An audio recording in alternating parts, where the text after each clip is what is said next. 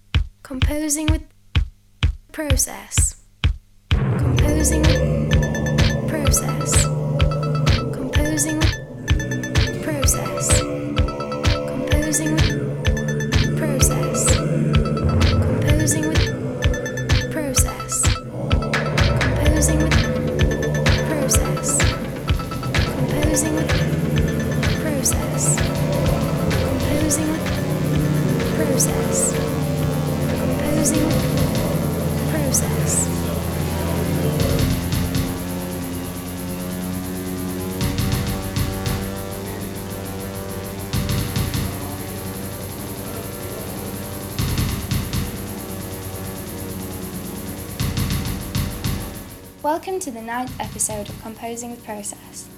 The focus of this final episode in this series is a project entitled Two Discrete Generative Systems by Mark Fell and Joe Gilmore. The works referred to in the title were developed separately and first heard together at Enjoy Art Space Leeds, UK on the 29th of April 2013.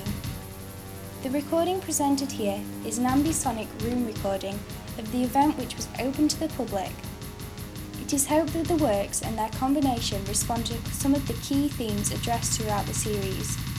Gilmore's piece, presented on four loudspeakers, explores behaviours generated by a flocking algorithm. These behaviours are used to control the frequency and amplitude of four oscillators.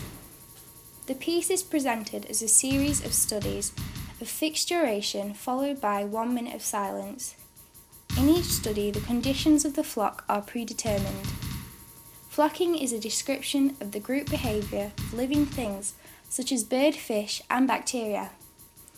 In flock simulations, the motion of each agent is determined on the conditions governing the overall behaviour of the flock, and also on the interaction between autonomous agents.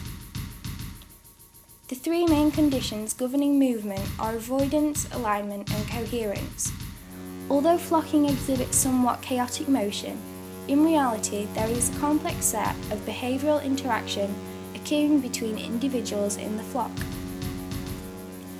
While Gilmore's piece explores tonality with multiple loudspeakers, Fell's contribution, by contrast, uses a single speaker centrally placed, playing rhythmic structures with a percussive single sound principally derived from the Linn kick drum. Among the arrangement of speakers, a computer is placed on a plinth. This displays a collection of sliders that are used to generate and change the rhythm that is played. Audience members take it in turns to change the sliders and make patterns. The algorithm used to produce the, the rhythmic structures is based around groupings of durations and repetitions of temporal intervals. This simple structure generates a number of distinct patterns.